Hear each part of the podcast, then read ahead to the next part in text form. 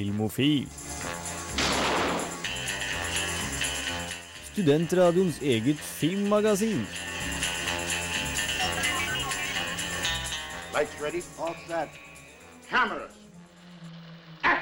Velkommen til torsdag, velkommen til Filmofil. Og dere som hører på dette her en dag senere, vel, hei fra fortiden. Jeg har med meg her i studio, bak eh, spakene og på teknikk, Hans Østenæs.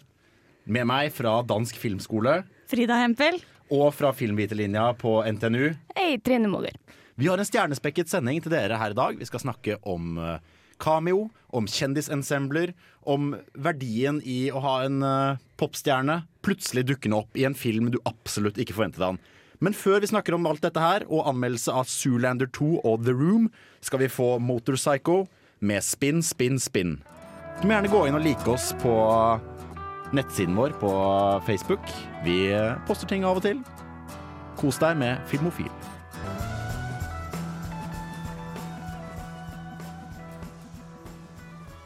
Vi Filmofil liker jo å se serier og filmer naturlig nok. Og Frida, du hadde sett noe siden sist. Hva er det? Det har jeg. Jeg har eh, sett uh, Der Untergang, faktisk.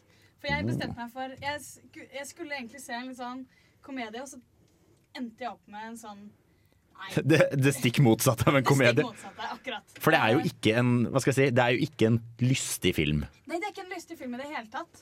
Eh, det er jo, for de som ikke har sett den, noe som jeg tviler på at det er noen som er. Skal vi se. Der, får, der ja. Teknikk i Studio 1 på Lukas. Ja. Ehm, skulle jeg bli stående her, Hans?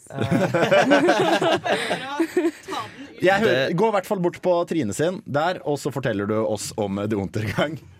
Nå vil jeg bare skildre fra studio at uh, Trine, nei, Frida legger ned nå mikrofonstativet vi løsnet som en sånn døende påkjørt rådyrkalv i veikanten, og liksom ser livet ebbe ut av det.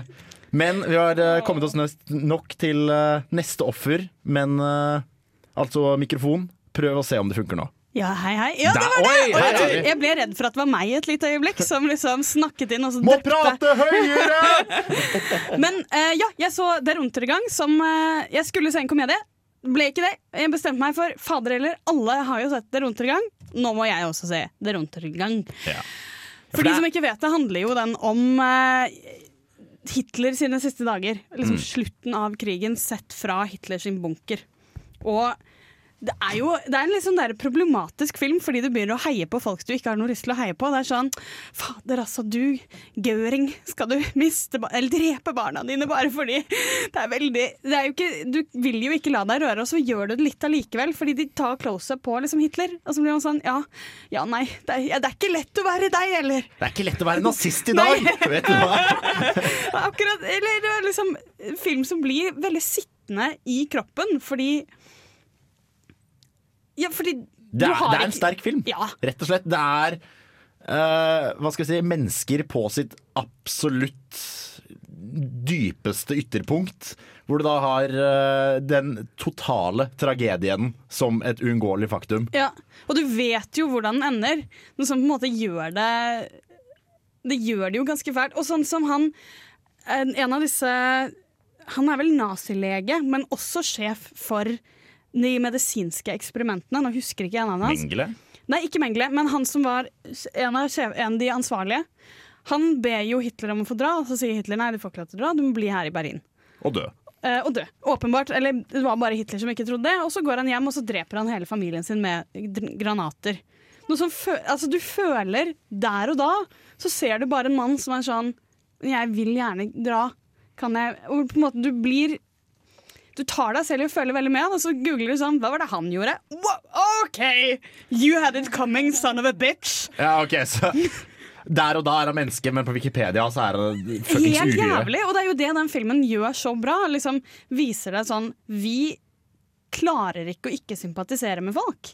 Mm. Eh, Det var i hvert fall det jeg ble sittende igjen med. Sånn der, Uansett hvor mye dritt du vet om dem, hvis Hvis- de ser trist ut, så blir jeg sånn Åh, stakkars deg. Ja. Ja. Så, Så- Derontegang må anbefales for, for deg ene andre som ikke hadde sett den. Hadde du et sånn klassisk Frida-moment hvor du lå i fosterstilling og skrek i pute? Nei, det hadde jeg ikke, Fordi det var nazister, da. for det var nazister. Ja, så det var, greit. ingen babyelefanter i Det denne. Ingen babyelefanter her. I hvert fall kunne kun de få som var, var nazistiske. Nazistiske Ja. babyelefanter. Men det var trist hvor mange som liksom tok selvmord. Mm. Sånn, folk som bare sto i gata og var sånn «Jeg- 'Jeg er soldat, og jeg skal dø for landet mitt', og så tar de selvmord og dør for landet sitt. Fullstendig waste. Utrolig waste. Det var egentlig det det ble sittende med. Sånn, dette her kunne vært unngått. Kunne spart seg for det siste. Det, det var gøy, men ikke mer nå. Ikke mer. gi deg f på topp, altså. Trine, hva har du sett siden sist? Uh, jeg har sett uh, Jeg bestemte meg for å sette meg ned og se på en film når jeg kom hjem på tirsdag. Og da satte jeg meg ned og så Ratatouille. For det er jo en, det er en, åh, det er en av yndlingsfilmene mine. Og du har jo dette med at den klarer å beskrive smaker. eh, På en måte som er ganske vanskelig, med mindre du har liksom sånn skrapekort i kinosalen hvor du skal sitte og slikke på riktige ruter til riktig Og, tidspunkt. og jeg er generelt ikke så veldig glad i mat. Men når jeg sitter og ser på den filmen der, så sitter jeg bare Jeg vil spise det der, og det der, og det der. Å, kan ikke vi ha sånn drikkelek eh, med ratatouille, bare at du spiser det de spiser? Så man har liksom gjort klart alt de spiser. Altså når, det, når, når de Så tar du en bit, da, var det egentlig jeg skulle si. Hvis vi, bare, de drikker, hvis vi drikker vin hver gang de drikker vin og This is gonna be so great! Vet du hva? Skikkelig sånn uh, ratatouille-måltid med, med liksom åtte retter og tilhørende vinpakke. Og så avslutter vi med den fantastiske ratatouillen som vi serverer i sluttscenen. Vet du hva? Det her tror jeg skjer en gang. Det tror jeg også skjer. Vi skal snakke mer om hva vi har sett siden sist, og se om vi klarer å få den eh, lille kalven som vi drepte nå nettopp, eh, opp på beina igjen. Men først skal vi høre 'Mirage' av Snøskred her på Filmofil en sen torsdagskveld.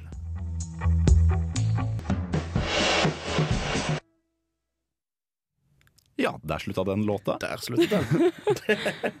Kul låt, da. Sånn ellers. Vi uh, har jo sett mer siden sist, og vi har fått mikrofonen opp og gå. Hans, hva har du sett? Du, uh, jeg har sett uh, siste sesong av House of Cards. Ja. Ah. Som jeg syns ikke var så crap som alle skulle ha det til. Og med alle mener vel meg som sto, kom inn på rommet ditt flere ganger da du brukte all båndbredden og sa vet du hva, sesong tre er ikke så bra. Ja, var, var det litt for å få meg til å slutte å bruke all båndbredden, kanskje? Kanskje ikke. Eh, jeg vet ikke.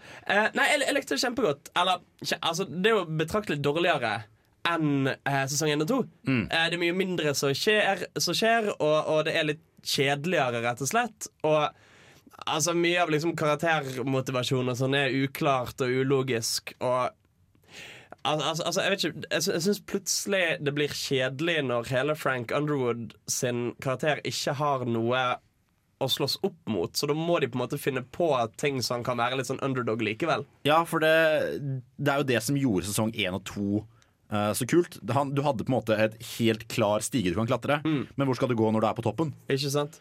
Er han blitt president? Ja. Det kan vi ikke si.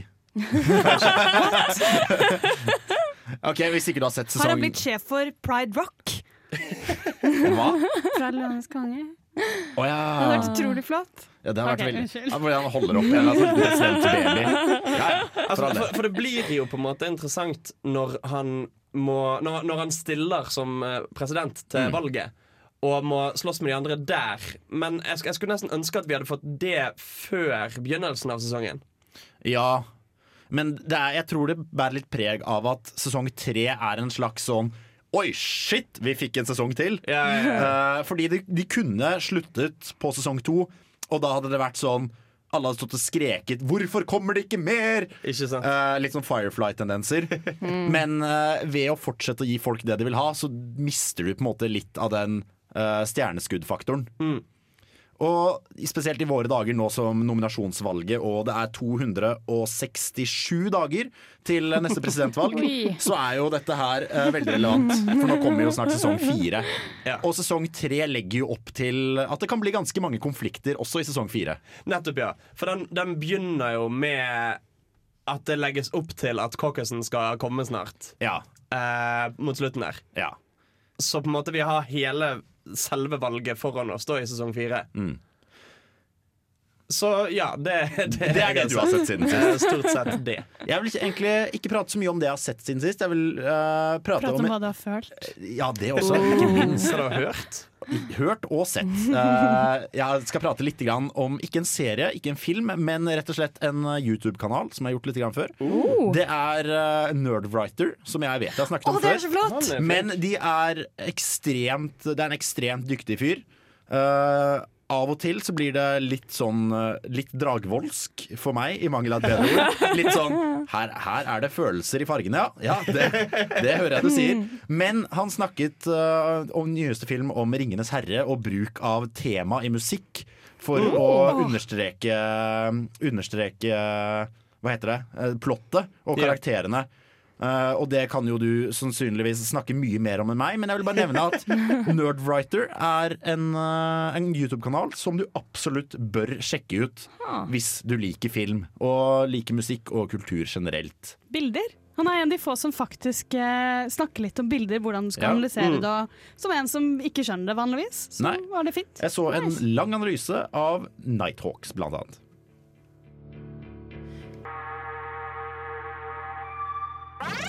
Filmofil gir deg nyhender fra filmen og fjernsynets i spanende verden.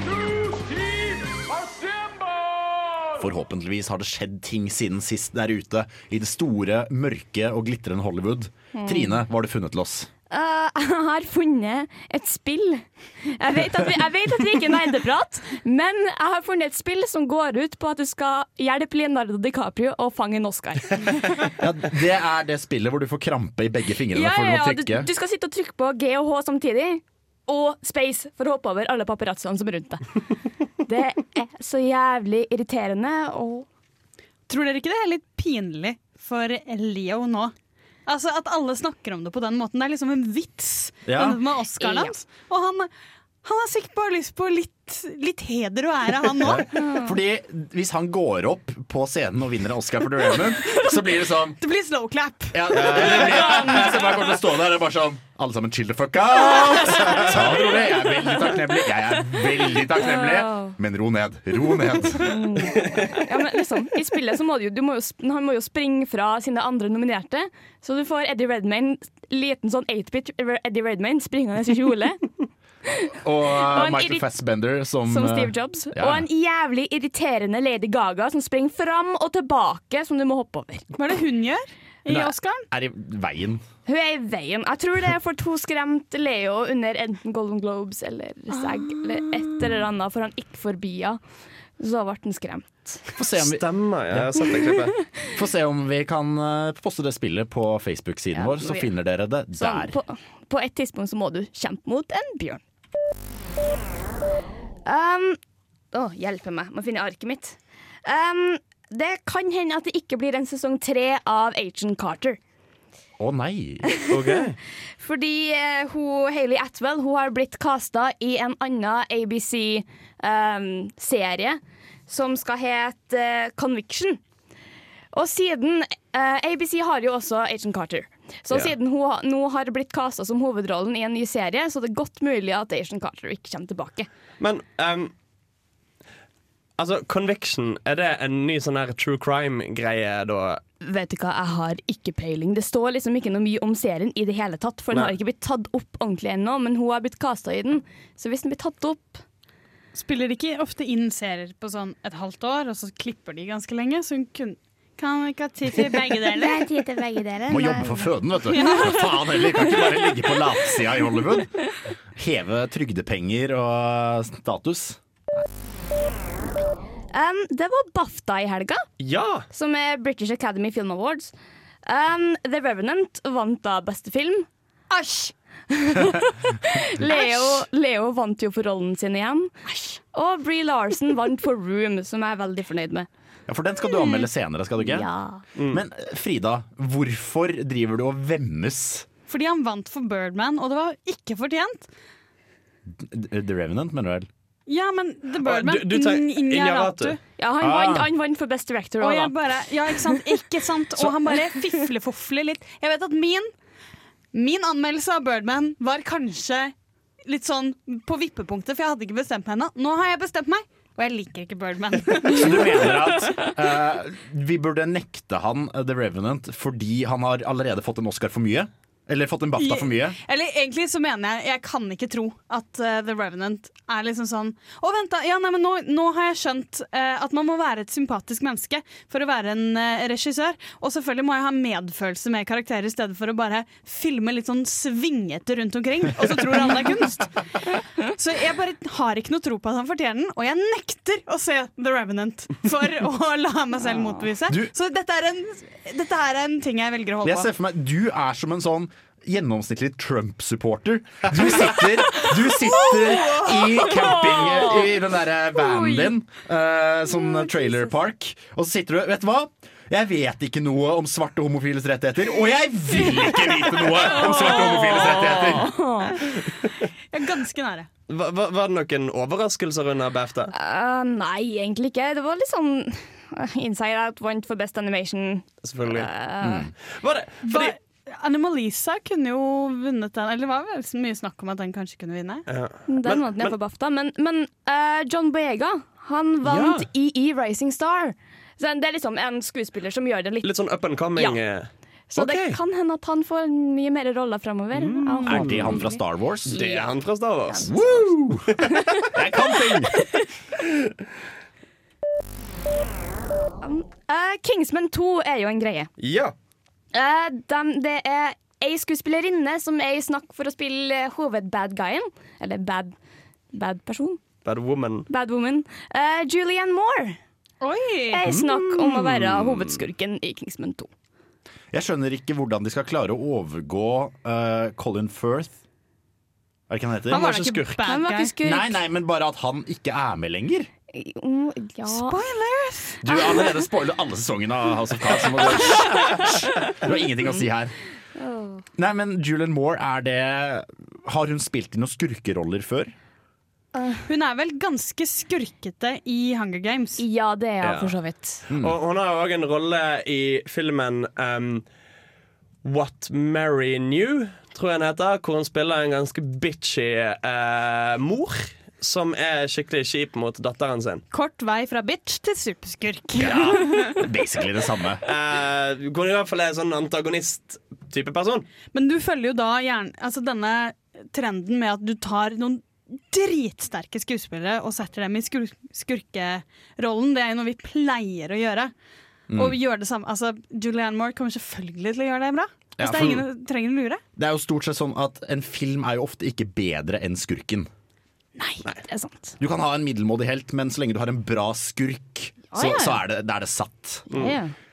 Vi skal snakke litt om en film vi allerede har teaset. Vi skal snakke om Room. Ikke The Room av Tommy Wiseau, men Room som går på kino nå. Men før det skal vi høre High Low av Sophie Lofi.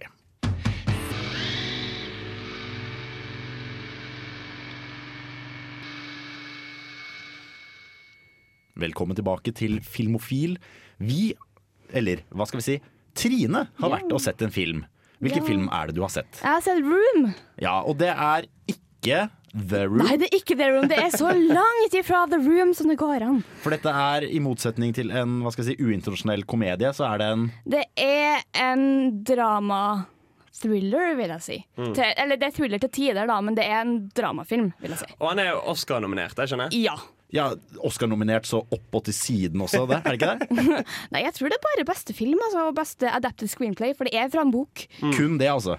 Ja, Kun- og kun Aubrey beste Larsen, film. Aubrey Larsen. Og Brie Larsen, hjerte. Hjerte, emoticon hjerte. Ja, ja, Du har en anmeldelse til oss også, har du ja, det har jeg. Skal vi sette den i gang? Ja. Gjør det. One evening when the sun went down and the jungle fire was burning, down the tracks came a hobo hiking.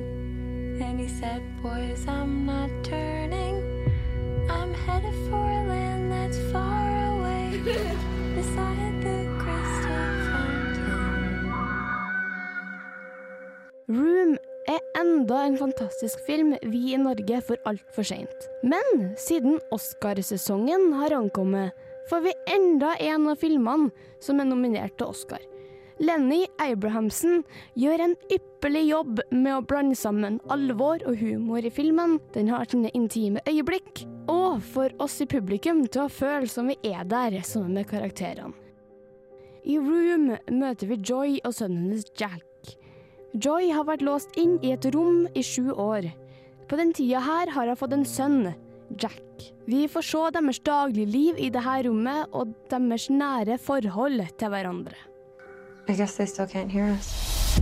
Do you remember how Alice wasn't always in Wonderland? She fell down, down, down deep in a hole. Right, well, I wasn't always in room. I'm like Alice. Bree Larson gjør i denne filmen her en fantastisk rolle som en halvveis ødelagt mor og menneske av det hun har opplevd i dette rommet. Hun får oss virkelig til å bry oss om hva som har skjedd og kan komme til å skje med hennes karakter.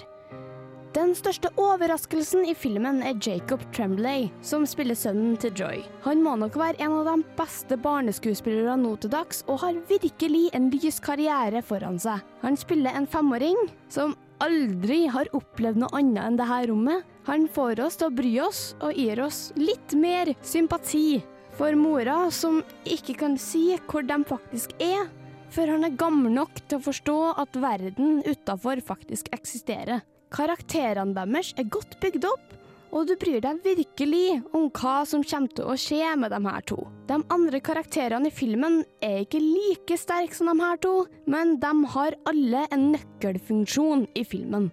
In the big rock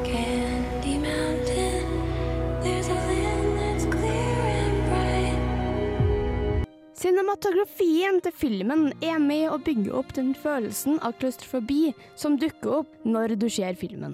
Det er nære utsnitt av både mennesker og objekter i filmen. Det får alt til å virke smått. Det her endrer seg i løpet av filmen, og filmestilen endrer seg sakte, men sikkert til mer åpen stil. Altså med flere store utsnitt som viser mer av det som skjer. Det her styrker bare følelsen som filmen gir.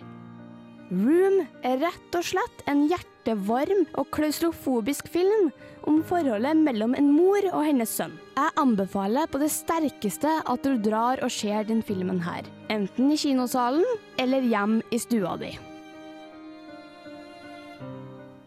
The Room har jo blitt hyllet for å ha, av andre kritikere for å ha kanskje den beste barneskuespillerprestasjonen på film. Å, fytti katta, han er så flink! Han var åtte år da han spilte inn den forbanna filmen. Jeg skjønner, ikke, jeg skjønner ikke hvordan det går an, for han er så, han er så naturlig. Han, Det virker ikke som han spiller.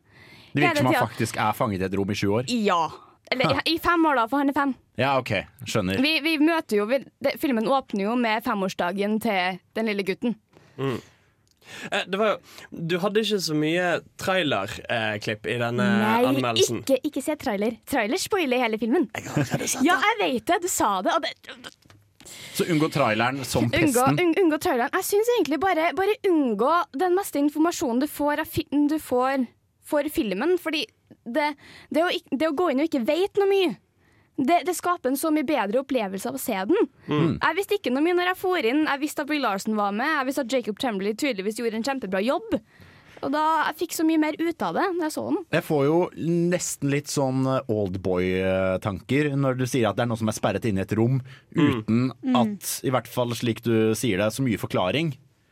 Uh, For dere men- som ikke vet det, så er Oldboy en historie om en mann som er stengt inne i 15 år. Ja, og så slipper han ut og så tar han hevden Der. Den er vel koreansk som den eneste koreanske filmen nesten alle har hørt om. Ja. Ikke nesten alle, unnskyld.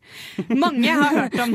Men det er sånn, Brie, eh, Karakteren til Bree Larsen var 17 når hun ble stengt inne i det rommet. Hun skulle, hun skulle, hun skulle, hjel hun skulle hjelpe en person som hadde en, eh, en i eh, anførselstegn syk hund. Ja, nettopp, ja. Og etter det så ble hun stengt inne i et rom.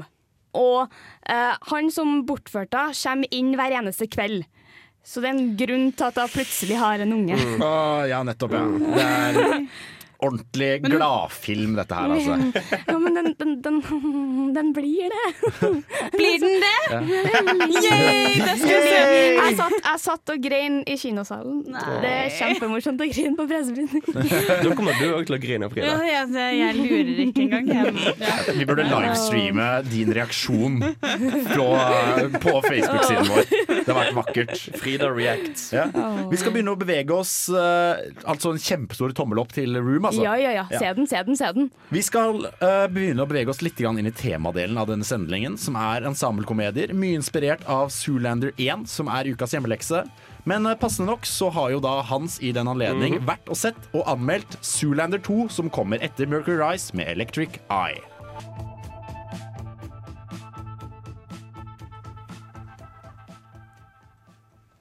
Hans, Ja, du har også vært og sett en film. det har jeg, Jan Markus. En oppfølger som folk Trenger vi en oppfølger?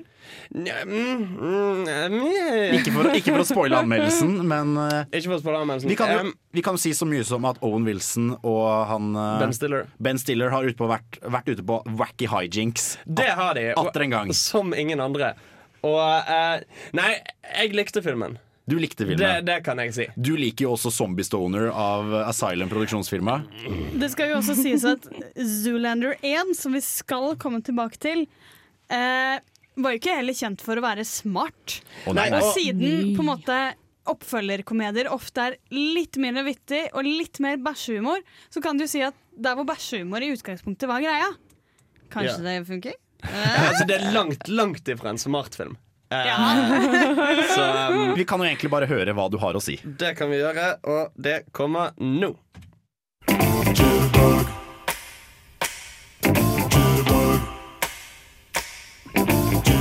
Jeg skal bare si det rett ut. Zoolander 2 er en vanskelig film å anmelde.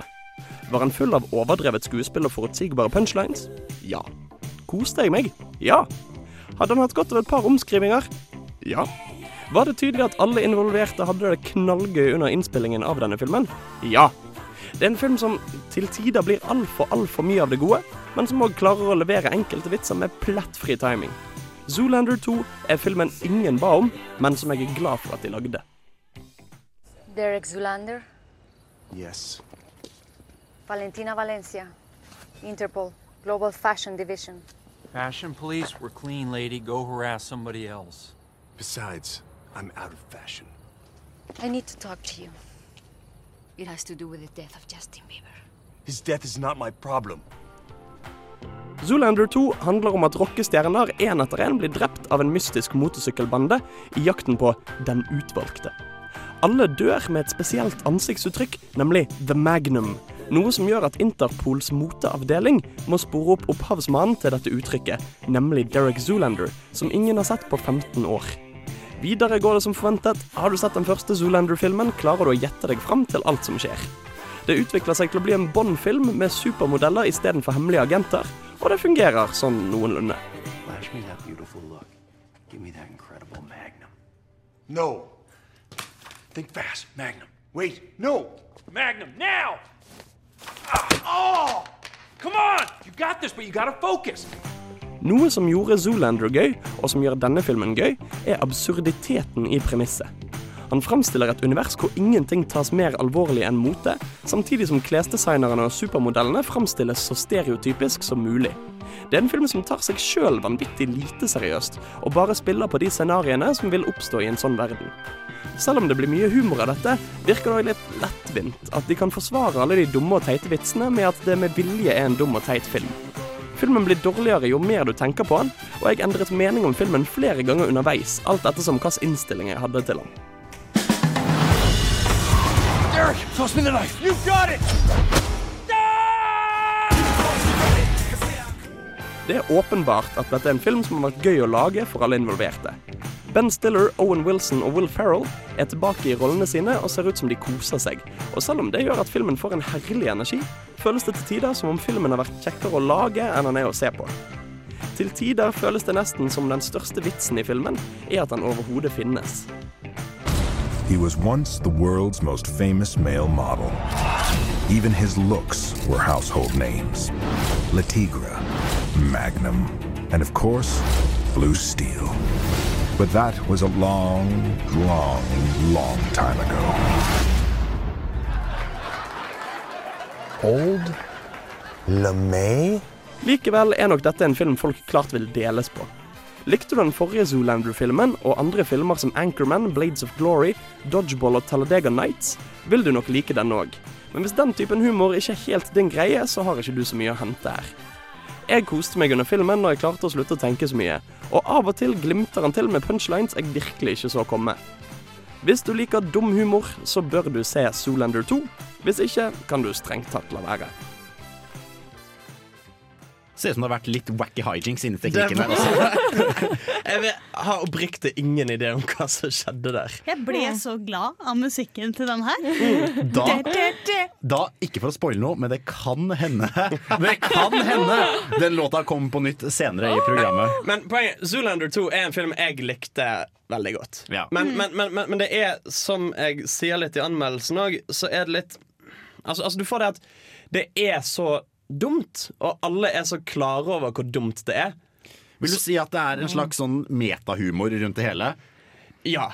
At de, de er veldig klar over hvor teit det de gjør er? Ja, og det Altså, visse steder så blir det for mye. Mm. Altså, altså, det hender for eksempel mot klimakset så skal liksom eh, Penelope Cruz eh, slåss mot eh, en av de dameskurkene. Og så bare sånn Oh, now we have to sexy fight! Og så driver de og klår på hverandre. Og det, det er så sykt sånn der Å, nå skal vi være morsomme! Å, dette er vitsen! Se nå når vi gjør den vitsen vi nettopp sa at vi skulle gjøre. At det, at det blir for For lettvint og for eh, enkelt å gjøre det på den måten. Da. Humoren har liksom stått litt stille siden originalen i 2004. 2001? Litt eller hva? revy over det hele. Litt sånn videregående Veldig revy. videregående. Skal. Jeg vet, jeg vet hvilken film jeg ikke skal se. Men, men, men, men, men, men stort sett så fungerer det veldig fint, og det er Det er litt sånn Anchorman 2-tendenser med sånn Hvor dumt klarer de å gjøre? Oi, så dumt! Du, har, du blir overrasket i hvor lite overraskende det er. ja, men men, men sam, samtidig har han visse steder hvor du faktisk oppriktig blir overrasket over det. Sånn Oi, der hadde jeg ikke tenkt at de skulle dra det. Men altså, eh, i eneren så er veldig mye av sånne morsomme greier er jo faktisk hvor langt de drar, hvor dum han er. Mm. Den But why ma- male models? I just explained Ja, ja, ja. everything to you the last five Sant? minutes. Han har noen sånne hvor, hvor, hvor du oppriktig er smart hvor, bra de, hvor dum de har gjort den. Ja, for det, var det, som, det er jo det som er veldig deilig med den. Mm. At den, du føler at den krever så minimalt lite av deg. Så yeah, du kan yeah. se den på sånne dager hvor du bare har tenkt å gi null, Mm. og så har du lyst til å le av bæsj.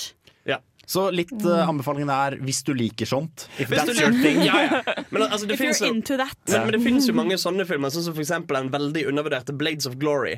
Uh, med da Will Ferrell, som er sånn der uh, Mm. og som da blir nødt til å skøyte duett med en annen fyr. Fordi at pga. en slåsskamp de to har, så blir han permanent utestengt fra kunstløp. Eh, som er kjempegøy, men kjempedumt. Og, og det er på en måte enda en i den rekken av filmer. Ja, litt, litt den sjangeren. Litt den sjangeren. Det eneste jeg lurer på, er vel egentlig har mobilene blitt enda mindre eller større igjen? Mindre. De har blitt enda mindre. Eller, mye av greien er jo at Det er liksom gammelt mot nytt. Så Derek Zoolander har fortsatt en knøttliten telefon. Mens han, han bare OK, greit, her er min telefon, så er det en fuckings iPad XL, liksom. Nå skal du få Worries med Mats Wawa.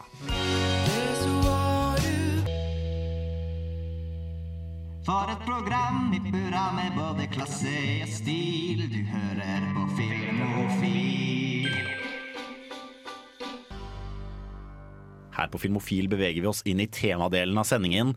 Og det første vi skal prate om, er hva er en ensemble-komedie? Ensemble?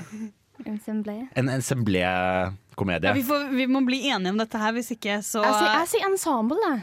ja, men det, er, jo fransk. Så det er ensemble. Ensemble. Ja, men jeg kan ikke Ensemble. Og jeg syns alle burde si ensemble. Okay. fra Kan du si de l'ensemble? Nå må man gjøre det, det, da. Uansett, hva er en ensemble-komedie? Over til Trine. Jeg har ikke en har hva en ensemblecast er for noe.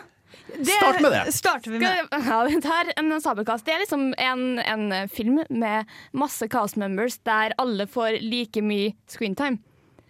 Mer eller mindre, så at alle sammen er bygd opp likt. Alle um, eh, Altså, Alle får vise seg fram. Det er ikke nødvendigvis én hovedperson som Nei, går rundt og er det morsom. det er masse hovedpersoner, og det er gjerne liksom i sånne filmer så interviner alle storylinesene seg. Jeg har vært- Jeg har vært litt for lenge i utlandet, tror jeg, så jeg bruker bare engelske uttrykk. Hashtag eh, verdensborger. Men det er liksom, en sabelkasten har liksom tatt over det uttrykket med all-star cast. Ja, ok. Ja. Okay. Det Ja, er liksom, det er liksom tatt over det, for nå liksom en ensemble En ensemble. Veldig bra. veldig bra En- film. Det blir jo liksom sånn, gjerne sett på sånn med masse stjerner. For, som eksempelvis Love Actually, som Frida nevnte. Vi har også The Expendables. Mm. Uh, Oceans 11, Oceans 12, Oceans 13. Men du har for eksempel filmer som Grown-Ups og Grown-Ups 2. Der er det jo Jo jo, det er en drittfilm. Ikke misforstå! Det, Nei, det, nei, nei, det gjør bare vondt å høre men, men, men, men poenget er at de fungerer jo som ensemblekomedier i den forstand at Ja. det er liksom ikke én av de som er hovedpersonen. Vi følger Adam Sandler og Kevin James og Chris Rock Nei, vi følger Adam James og hennes, nei, hans venner. Ja. Ja. Jo, for det er jo, som du sier, litt det som skjer at selv om du har en sånn svær gjeng, og du følger masse forskjellige historier, det er få filmer som drar den så langt som Love Actually, da. Som sier sånn Fuck dere! Dere må, dere må bry dere om alle! Dere får ikke følge én gjennom hele greia. Der er jo en film som for eksempel eh, Coffee and Cigarettes uh, gøy. Ja. Som er litt Altså, det er mye mindre sånn samspill mellom historiene i den i forhold til um, Love Actually. Men den er jo basically bare en uh, samling kortfilmer med veldig mange kjendiser og kjente skuespillere som bare røyker og drikker kaffe og preker skitt.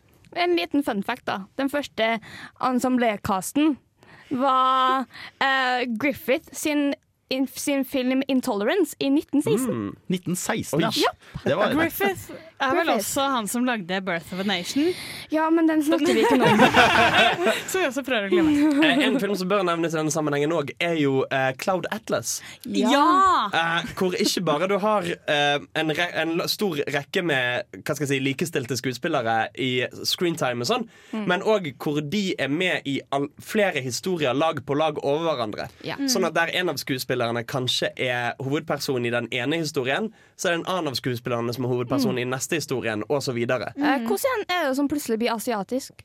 Det er Å, jeg husker ikke hva han heter. Fordi vi, vi, vi, vi hadde Han som spiller i Cross the Universe! Han heter noe britisk! Det er utrolig vi vanskelig. kan, vi kan finne det ut i løpet av låta. Men i hvert fall så er det jo da en, eh, en slags film som ofte lokker med en, eh, en sånn cast av kjente folk. Og også i eh, ensemblekomedier spesielt vi skal snakke om, så er det litt den gjenkjenningsfaktoren som er mye av poenget. Og også det at du ser en person du ikke hadde forventet, men det er sånn litt som når du er på fest, og så Nei, men ha, Hans, er du også her?! Ja, sant. Oi! Ja, men det er jo alltid morsomt å se en person du ikke tror dukker opp, og bare sånn Nei, men faen, der er du òg! Ja. Det Jeg satt sånn under The Big Short når Margot Robbie og Selena Gomez bare hva? Ja, nei, jo, Vi skal snakke mer om akkurat det i et annet stikk. Men aller først skal vi snakke om eh, hjemmeleksa vi har sett. Zoolander og et eh, lite klipp fra den med kanskje verdens morsomste bensinfight. Ikke at det er klippet, men allikevel, filmen er verdt å se.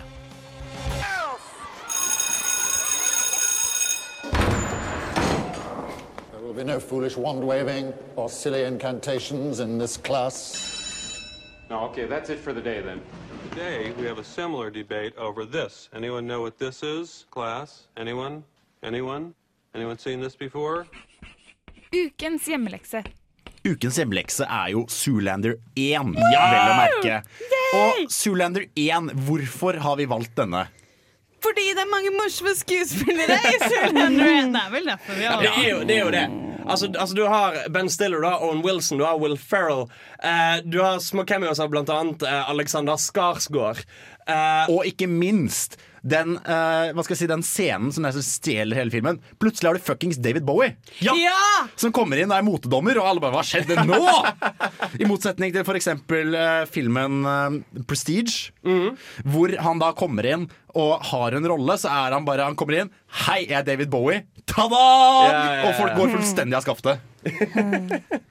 Altså, men det For jeg lurte på I den så har vi helt åpenbart en hovedrolle. Ja. Og helt åpenbart ikke ehm, Ikke delt skjermtid. Nei, det er jo først og fremst Ben Stiller sin film. følger jo Derek Zoolander Ja. eh, gjennom hele filmen. Mm. Så der er det vel heller at det blir eh, Vi kom jo ikke inn på det i stad, for jeg glemte å spørre om det. Men blir det også en ensemblefilm når du helt klart følger én, men de andre er store nok stjerner til at de på en måte får like stor plass inni oss? Altså Det blir jo litt på det Trine sa i sted, med hvordan definisjonen har forandret seg. Mm. Eh, mellom at alle har delt eh, screentime, og at det bare er mange store navn og vittige folk som er med. Mm. Um, for, fordi det ordet blir jo brukt i dag nettopp rundt sånne filmer. Altså eksempel Anchorman, uh, Grownups. Altså Adam Sandler-filmer er jo typisk sånn at han og Kevin James og en rekke andre dårlige komikere uh, har en film sammen. Mm, yep. Um, og da har på en måte det blitt det begrepet betyr nå. Ja, for jeg tror nok hele den grensa mellom Starcast, Allcast, Star-greier og Mm. ensemble har blitt visket ut. Mm. Og at nå er det sånn Ensemblefilmer er rett og slett bare filmer hvor det er masse kule kjendiser som er på en måte et slags trekkplaster fremfor selve historien. Du Ja, bare Jeg føler mer det, at vi er sånn derre Å, men jeg har lyst til å se de to snakke med hverandre. Oh my God. Eller de to har god kjemi. Jeg har lyst til å se de skuespillerne sammen. Så det at du har en film med både Owen Wilson Mm. og Ben Stiller, og lar dem være dumme modeller, Ja. er like mye det som trekker deg mot den. Og det, det er jo en ting, altså, dette er jo folk som har lagd masse filmer sammen før. Mm. Eh, og, da, og da blir det jo sånn Du vet at de fungerer fint sammen Uh, på skjermen, og den filmen de lager, fungerer innenfor de premissene de stiller sjøl. Mm. Så da vet du at å ja, den gjengen lager film igjen. Kult. Ja, for Der har du jo Judd Apatow, Mm. som vi burde nevne. Hans filmer er jo alltid sånn derre Han og gjengen Ja. Ut på nye eventyr, og nå har de laget en ny film. Og det, Du vet på en måte så veldig godt hva de får, men bare fordi de er sjarmerende sammen, så har du fortsatt lyst til å gå og se det. Ja, for du sa jo også i anmeldelsen din av Zoolander 2 at er dette en film jeg tror skuespillerne har hatt gøy med å lage? Ja. Mhm. Og det merker jeg at eh, da kan du tilgi ganske mye, fordi du vil egentlig bare se på folk som har a jolly good old time. det, og, det, og det gir energi til det. Veldig, Eh, det, ja. det gir at du føler at du blir med på noe. Sånn, Jeg koser meg, de koser seg, alt er gøy. Ja, At det er, en slags, det er en harmløshet i det, fordi det er bare Ja. folk som koser seg og lager film. Og, og det tror jeg kanskje man er en av grunnene til at Zoolander 1 er så populær. Mm. For den er kjempedum, men det er så åpenbart at de lo da de kom på de dumme, dumme, dumme vitsene sine. Og da blir du så med på det uansett. Sånn Ja, nei, men dette er jo ganske Ja, ja. Ja, men, ja, men, ja, men Det virker jo veldig som den type film hvor du ser for deg Altså typ at vi sitter og slenger dritt sånn Hei, du, hadde lagd en film? Sånn, f- f- følg med på dette. Hvor det viser seg at modeller er liksom de som styrer alt i verden. Og det er på en måte det alt handler om. sant? Og så kan ikke han ene gå til venstre! det var så gøy. Trine, du knirker jo som en usmørt dør, og du skal få lov til å lufte misnøyen din. Hvorfor liker du ikke Zoolander? Fordi jeg liker ikke Jeg vet ikke. Jeg, bare sånn, jeg har noe veldig imot sånn skikkelig skikkelig dumme karakterer. Jeg klarer ikke å sitte og se på det! jeg syns ikke det er noe morsomt! For jeg er jo enig når det er en karakter som vi skal synes at det er smart. Ja. Eh, eller, eller på en måte når en karakter gjør veldig mye dumt, f.eks. i TV-serien The Strain. Så er det mange dumme, dumme, dumme karakterer. Ja. Men det er ikke et poeng at de skal være dumme. Det er litt sånn uh, i en skrekkfilm.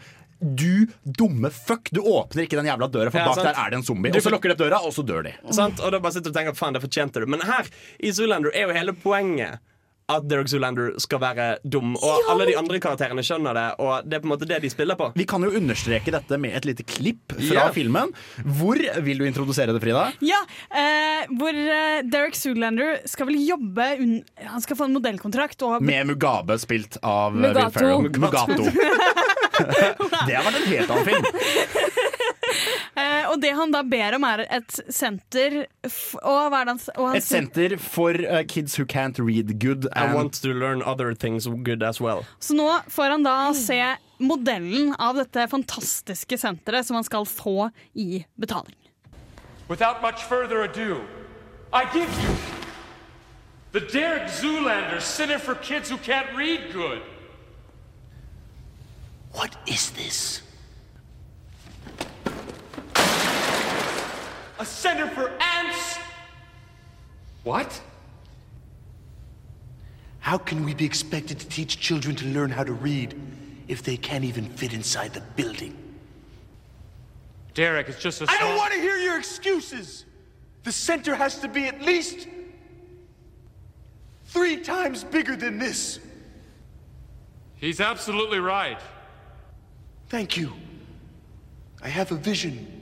And so do I. Det er jo, hva skal jeg si, det er briljant i sin idioti. Uh, og det bare Det er rett og slett rett, bare gøy å se hvor fuckings tilbakestående han er. Ja. Med liksom denne modellen som er på størrelse med en god skoeske. Og det må være minst tre ganger så stort som dette. Og jeg respekterer absolutt at du ikke liker det, men det er Jeg syns det er kreativt. hvor det er kreativt, de har og det er greit at sånne filmer finnes. Og de har på en måte gjort han dum på en måte vi vanligvis ikke ser Mm. dumme folk laget. Og da blir det interessant for det. Men det er greit at folk har forskjellige filmsmak. Det er og i forskjellig smak i karakterer. Jeg takler ikke dumme karakterer, og sånn er det bare. Ne, men det jeg syns gjør det så bra, er jo nemlig det at At Derek Zoolander er hovedpersonen i filmen. For han er på en måte en type karakter som fort kunne vært en sidekick eller en bikarakter. Ja. Eh, typ hun der eh, ene, hun blonde i mean, mean Girls. Oh, ja. um, hva trodde du jeg skulle si? Oh, nei, jeg trodde du mente journalisten i uh, Zoolander igjen. Ja, for eksempel. Eh, men, men, men dette er en karakter som veldig fort hadde blitt en sånn wacky side character. Som, ba, eller, så, som eh, Steve Carell sin karakter i Anchorman. Mm. Uh, så bra. Mm? Så bra. Så nydelig bra. Eh, men her har de liksom gjort han front and center. De har gjort han til hovedpersonen. Og jeg syns det, det fungerer dritbra. Vi skal snakke mer om uh, ensemblekomedier, og ikke minst om improvisasjon. Vi skal høre et lite intervju med Nick Offerman. Men før det så skal vi få en låt alle der hjemme kan danse til. Det er selvfølgelig Wake Me Up Before We Go Go med Wham. when we were doing the episode with uh, Ron and Tammy episode, it, we had created a situation in which Nick Offerman and his real life wife um, hated each other, and we wrote a bunch of horrifying, truly horrifying insults to have Ron say about his ex-wife, and then Offerman just like went crazy and beat all of everything we had written, like easily, like easily beat it uh, in terms of both humor and horrifyingness. I think. Do you remember? Can you do you remember one of them that you that wasn't in the cut that you did? Just I don't know. I don't. I don't. I don't. I want you to say it. During the repulsive hog thing? Yeah. Um, Tammy, Tammy's vagina is like the tractor beam from the Death Star. if it was where Jabba the Hutt's poop hole would be. Improvisation. Improvisasjon, mine damer og herrer. Laugh track. Uh, jo, fordi det er jo, som vi nevnte, dette her med å putte masse kjendiser sammen i en film og ha en jolly good old time. Uh, så er jo improvisasjon noe som kan gi filmen noe helt eget, som du ikke får via manus. Rett og slett ved å gripe øyeblikket.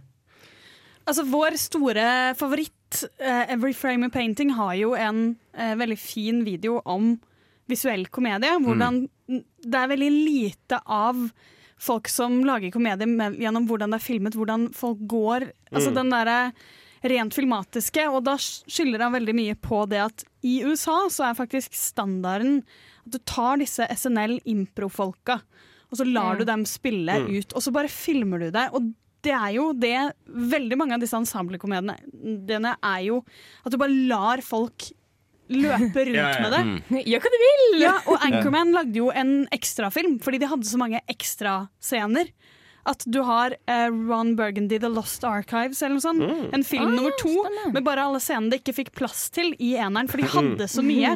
Og du har eh, ja, altså, du har jo masse som ikke hørte historien, selvfølgelig. Jeg, jeg har ikke sett den, for jeg antar at den ikke er så god. Men det du får av det, er jo en sånn enorm energi.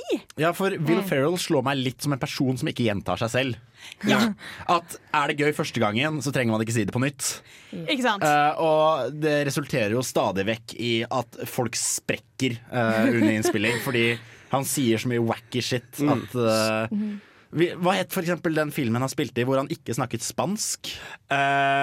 Casa de mi padre. Ja. Og bare Ja. liksom Det å la en fyr som ikke snakker spansk Nå blir ikke så veldig mye rom for impro, men allikevel. Bare det å gi litt faen rett og slett på settet, og la folk få være seg selv, gir noe til en film. Ja. I høyeste grad. Altså, når, man ser, når man ser på audition-tapene um, fra Anchorman, så ser du jo på en måte at det de har allerede, er jo De har på en måte funnet en sånn karakteressens, og så bare sitter de og lager ekstrascener. Mm. Ja, for der er det at, Der er det jo blant annet han Steve Carell uh, som Han eh, På den audition-tapen som jeg har sett, så later han som han plukker opp en sånn halvspist bagettbit med liksom sigarettsneiper på, Mm. og spiser denne. Og folka som eh, driver og intervjuer han eh, til denne castingen, de mister det fullstendig. Og han sitter i rollen sin og ler med, for han skjønner ikke hva de ler av. og så, så sitter han, og de bare sånn eh, Du, det, det er aske og drit og jord på den, uh, på den bagetten. Og han er sånn han nikker, og så tar han en bit av luftbagetten som han sitter og holder. Og jeg sitter og vemmes over en bagett som ikke finnes. Han spiller det så flott, og han liksom sitter og sånn kaster opp sånne OK! Men der har du jo hele åpningssekvensen til Anchorman også, der Will Ferrell har gjort noe nytt for hver eneste gang. Så han fikk jo ikke noe ordentlig take med hun Christina Applegate som sitter ved siden av. Du ser jo at hun sitter og sprekker opp under selve filmen. Hun sitter bare Jeg gjør det nå! Hun har jeg lurt på, for hun slår meg ikke som en improskuespiller. Hun er jo litt mer ordentlig. Jeg syns hun gjør en dritbra rolle. Ja, ja. Hun klarer på en måte å være så veldig der på dette energinivået til Will Fer- Mm. Ferrell, som jeg antar kan være litt vanskelig. Mm. Han virker også som en som kanskje tar scenen fra de andre. Du må på en måte ha Det er kanskje det at når du har disse improskuespillerne som bare kaster rundt seg Hvis du har da en gjeng med litt dårligere, ikke like kjente skuespillere, så får du liksom én rolle, og så Blir de andre overkjørt, Ja, rett og slett. Og jeg, var jo også en annen ensemble-komedie som jeg ikke nevnt, men som jeg liker. Som liksom kom ut av ingen steder, eh, gjorde det stort, og så bare forsvant igjen. Ja, Frida? Tropic Thunder! Tropic Thunder! Det stemmer. Fucking psychic uh, hive mind-filmofil, ass. Men der er det jo en film uh, hvor du har masse kjendiser som bare rett og slett løper ut og spiller litt på at de er dumme filmstjerner. Uh, som egentlig ikke er godt til noe annet. Og hvis ikke jeg husker feil, så er faktisk den scenen hvor Jack Black har abstinenser ut av ville helvete og sier at han gjør hva som helst for å få liksom, en ny dose heroin. Eh, den tror jeg, hvis jeg ikke husker feil, var improvisert. Hvor han da sier at uh, I'll lick the shaft and swallow the gravy. uh, som er kanskje den beste replikken i hele, hele filmen. Eh, og så er improvisert. Og du har noe fantastisk gøy bare med å la folk få utfolde seg, hvis de kan det de driver med. Så det, det er liksom i den scenen i 40 Year Old Virgin når Steve Carell får brystet sitt voksa, Ja! så er det jo, det er jo han, han får jo faktisk alt voksa, og de, de andre skuespillerne visste jo det ikke, så de holdt jo på å brekke Ja, han, han ene forlater faktisk eh, settet, og det, det var fordi han lo for mye. Ja. Og jeg tror, jeg tror jeg har lest et sted at det var meningen at de skulle ta hele, og han var sånn Nei! Fuck Nei. dere! Nei, vi tar bare det her. Vi gjør ikke noe mer nå. Nok. Nok. Ferdig. Og det er jo, Nå har vi snakket stort sett om komedier, og det er jo sendingens tema, men allikevel så er det en verdi i improvisasjon også ved andre, eh, f.eks. drama. At du Mm. får en mye mer levende dialog. At du ikke får den 'Men Frida, du liker jo film, gjør du ikke?' Jo. Ja, for det, gjør står i manus. At du får for eksempel eh, hvem, Hvilken film har du snakket om forrige gang? Den 'End of the Tour'? Ja. At du da får en litt mer sånn levende dialog med han eh, Marshall i eh, ja, Jason Segel. Jason Mm. Seagull. Han har jo regissert filmer også hvor han sier Hvor han eh, prøver å få folk til å prate sånn som de gjør i virkeligheten. Mm. Og har rett og slett retningslinjer for i denne scenen skal vi si og prate om. Og så Mm. gjør folk det de kan, og så blir det en mye mer dynamisk og levende greie. Ja, nettopp. Fordi det gir en sånn kjemi mellom skuespillerne, det at de faktisk snakker sammen, og ikke bare liksom går ut ifra et manus. Mm. Eh, og For å ta et eksempel fra en ikke sånn komediekomediefilm, så har du i jeg tror det er Furious 6 eller 7, um, så er det en scene hvor noen står og griller, og så er det en fyr som går forbi. Og i manus så skulle de bare komme med en eller annen teit eh, kommentar, og så var det scenen. Men så svarer han på kommentaren, og da er det bare The Rock eller som bare sånn spruter vann ut. det, er, det er Ludacris som eh, Nei, ikke Ludacris, men han ved siden av igjen. Ja, for det er The. Rock som kommer tilbake. Det er Fear 6. og, og, og og, det faktisk er en genuin reaksjon, for han ikke forventet det comebacket. Den, den, den scenen er så herlig. Men dette her er jo virkelig, virkelig, virkelig altså dette med improviserte linjer. Vi Mm. kunne jo hatt en sending om bare Virkelig. det. We're gonna need a bigger boat fra Jaws. Ja, ja, ja. Står i manus. Ser litt skremt inn i horisonten. Eller Being John Malkovich, hvor han ene ekstraen var drita, satt bak i pickup og kasta en brus på John Malkovich. Som han skrev 'Hei, John Malkovich!' Som ikke gir mening, fordi de kjører forbi han tilfeldig på en vei. Ingen skal vite hvem han er. Så kaster de en brus i bakhodet hans, og de bare 'OK, men dette her, det funker. Putt det inn'.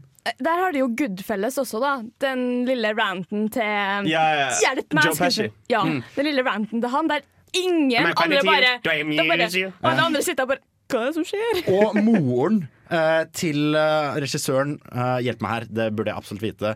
Scorsese? Scorsese. Moren til Scorsese spiller jo i den filmen, og har blitt fortalt de har kjørt på et rådyr. Eh, og kommer liksom inn med kniv og skal ha spade, så vi må begrave rådyret. De har åpenbart drept noen. Men hun improviserte da på den scenen liksom sånn Å ja, men vil dere ha noe mat? Og, eh, jeg skal, vil, jeg, vil dere ha hjelp med å få rådyret ut av bildet? Nei, nei, nei! nei, nei, nei. Og det var da, hun, hun visste ikke i manus at de hadde drept noen. Nei, nettopp. Så hun bare tenkte nå skal jeg spille den rollen som den hjelpsomme moren. Ja, som den hjelpsomme moren som dem på mat klokka fire på natta. Og bare for å legge til det Here's Looking At You Kid fra Casablanca Mm. var vel også bare noe Det var et eller annet, De måtte bare si det. Mm. Eller mens vi er i gang uh, tatt vinden Frankly my dear, I don't give a damn Ah, yes. Som var, ble furore Fordi du hadde ikke lov til å banne Ja, på film på den var, tida det var en liten ting mot, um, mot um, Ja, det var litt mot det også. Eller The Dark Knight når jokeren kommer inn i, eh, på festen. Og um, Alfred. Alfred har egentlig replikker der, men det var første gangen han så Heath Ledger som jokeren, så da bare fryser han helt og glemte hva han skulle si. Og det ble taket de brukte. Og bare for å ta dette her tilbake til Tropic Thunder Fordi dette her er jo method acting. Dette, dette med å Mm, improvisere og, og gi plass til det, det er jo en type skuespillerrolle hvor man, eller metode hvor man tenker du skal på en måte bli karakteren, Ja. og så skal Mm. du hente fra eh, hva den karakteren er. Og eh, Daniel Day-Lewis er jo kjent for å gjøre det. Han nektet å liksom Når han skal spille en fyr i rullestol, så nekter han å spise selv om å dyttes rundt på Mm. settet. Ja. Mm. virkelig, noen går helt inn der. Og i Tropic Thunder så gjør de jo denne Kirk Lazarus, spilt av Robert Downey jr., er jo en fyr som har gått altfor mye inn Ja, ja, ja. i Ja, ja. method actingen sin, og begynner å eh, s- ha startet en sånn pigmentbehandling. Og hele hans rolle, nesten, er improvisert. Så de skiftet han fra irsk til australsk, for han var sånn Jeg tror kanskje jeg improviserer bedre på australsk, så vi bare vil lage meg til det. Du har fått masse fun facts Og til og med litt dansk filmskole På slutten her før låt. Og låta vi skal høre nå er The Circle Med Ivan Ave Gå gjerne inn på Facebook Vi skal legge ut ting, vi skal legge ut klipp Det blir bra.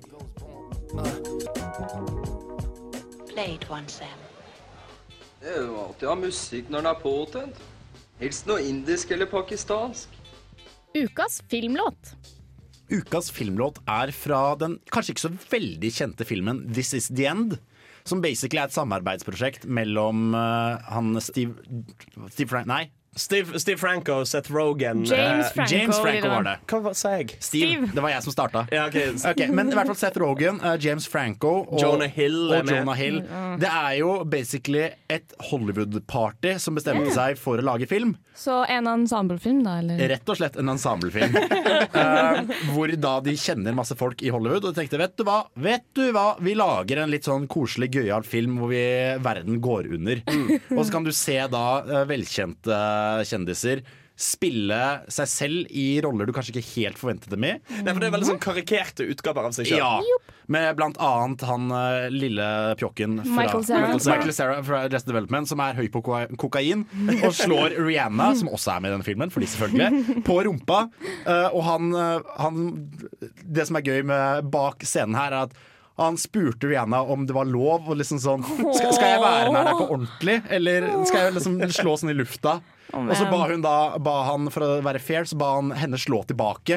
Og de tok flere takes, så han var helt rød og øm på sine ansikter da de var ferdige. Fordi selvfølgelig er han sånn i virkeligheten. Ja, han er jo så nusselig. Men i hvert fall, låta her er fra helt til slutten av filmen. hvor de da bruker dette med ensemble og plutselig cameoer, som vi skal komme tilbake til. Hvor da ingen ringere enn Backstreet Boys kommer ut av absolutt ingenting. For de har ingenting med denne filmen å gjøre. Og jeg tror de bare puttet dem inn, for de tenkte hm, hvem er det folk kjenner igjen, og hvem har vært gøy å ha med? Jo, Backstreet Boys.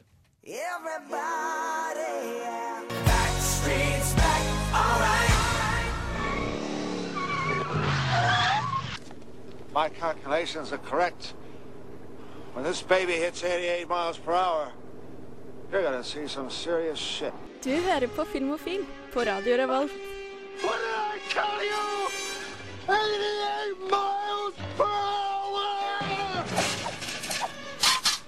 Og filmen vi snakket om, uh, This Is The End, er jo kanskje et av de beste eksemplene på en slags sånn maskingevær-cameo. Uh, cameo appearance.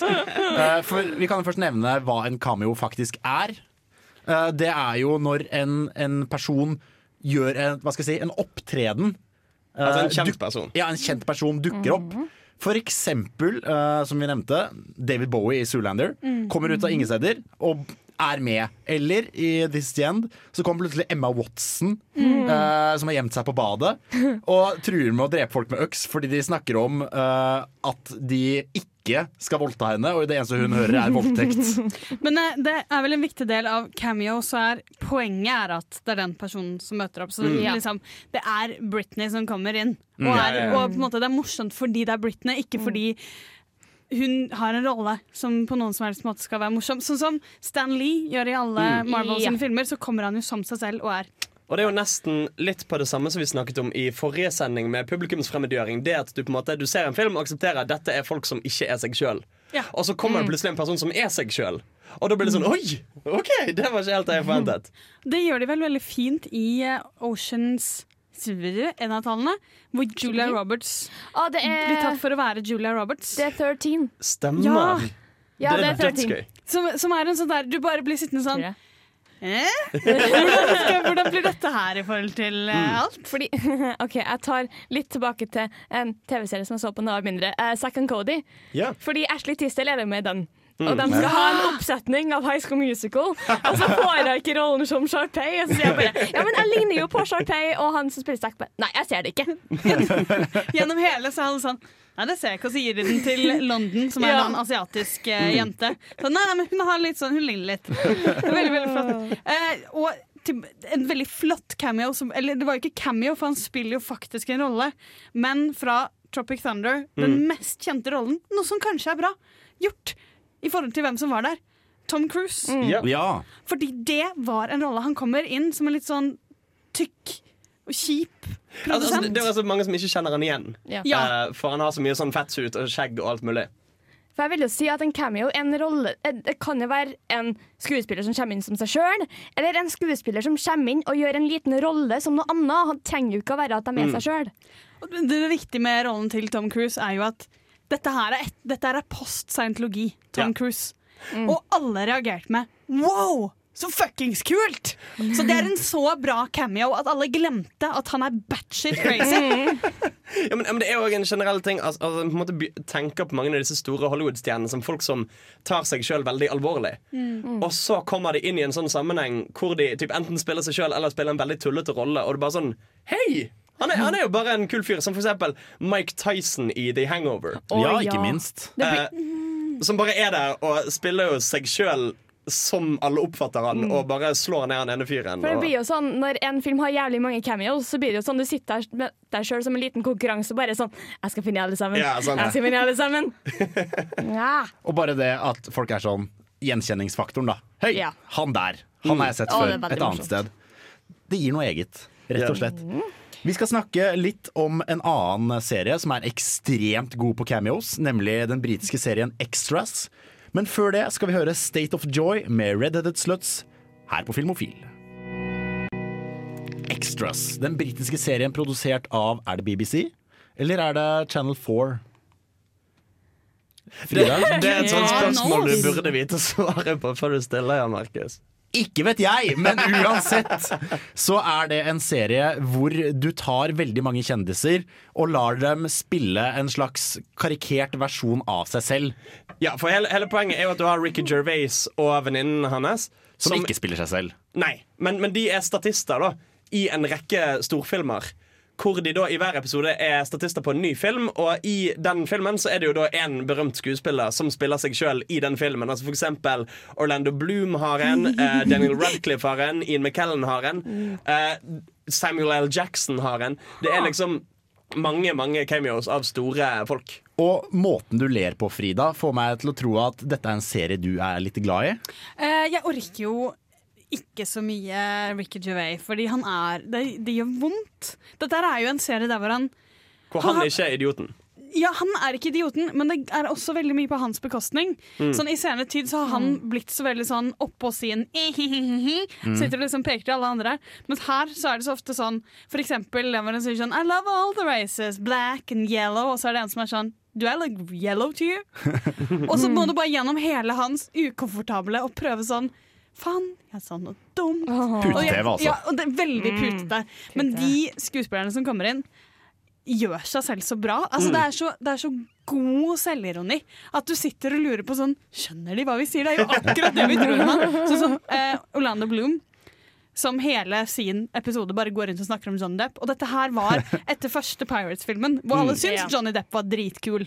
Så alle tenkte jo liksom Orlando Bloom Herregud, så teit han var ved siden av eh, John Depp. Og så får du Orlando Bloom som er sånn Vet du hva, jeg snakket faktisk med Keri Knightley, og hun sa at det var skikkelig ekkelt å kysse John Depp, for han er gammel, liksom. Og vi har jo også et klipp her hvor sir Ian McKellen snakker Ian. Ian. Ian. Ian snakker om det å spille trollmann på film eh, som en, hva skal vi si, en litt karikert versjon av seg selv.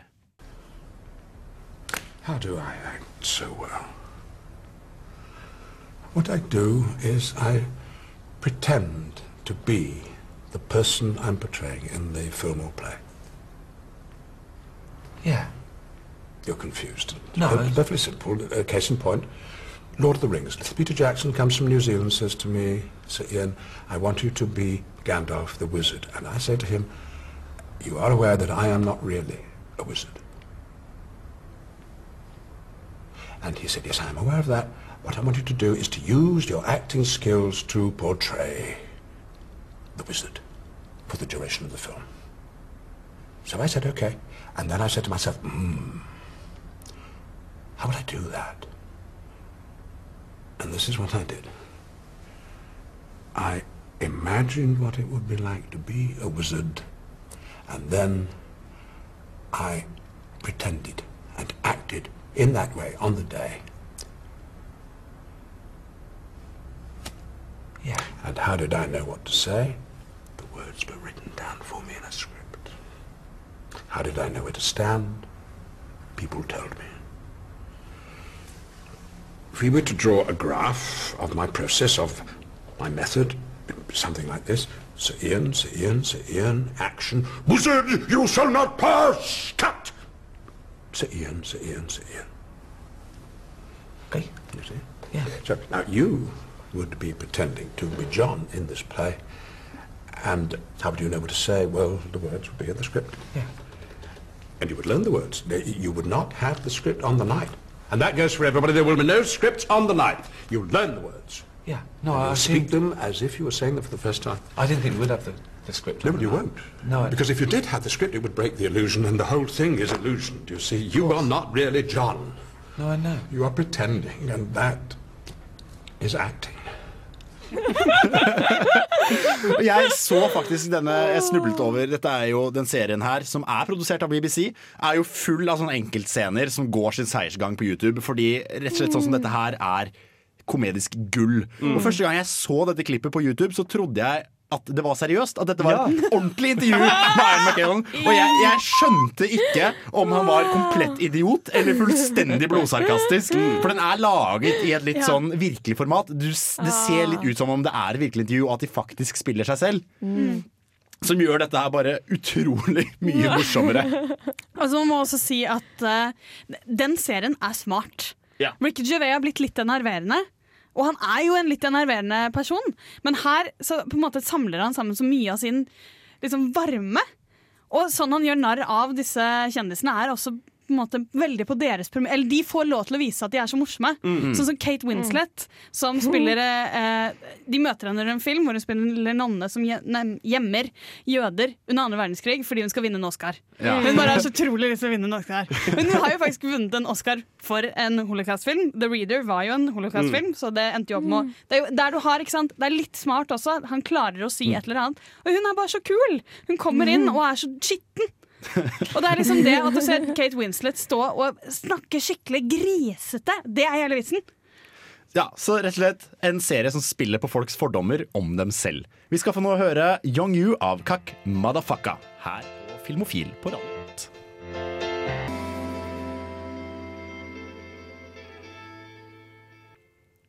Og da begynner vi å nærme oss slutten av denne sendingen. Ofte. Å nei, å nei. Men fortvil ikke, for vi skal begynne å tenke på neste uke. Yay! Yay! Og da skal vi snakke om noe så spesielt som dukkefilmer og stop motion. Ikke animasjon i den eh, form av dataanimering eller tegneserier, men rett og slett dukker som flyttes bilde for bilde, eller litt mer sånn at du står med marionettedukker og viser eh, rett og slett uh, dukker gjøre sine greier. Og i ukas hjemmelekse er selvfølgelig den norske klassikeren Flåklypa. Med meg i studio har jeg hatt Bak teknikk Hans Ysternes. Frida Hempel. Trine Mågård. Og jeg i rollen som Henrik Ilen Ringel heter Jan Markus Johannessen. Vi håper du har kost deg. Ha en fortsatt fin torsdag.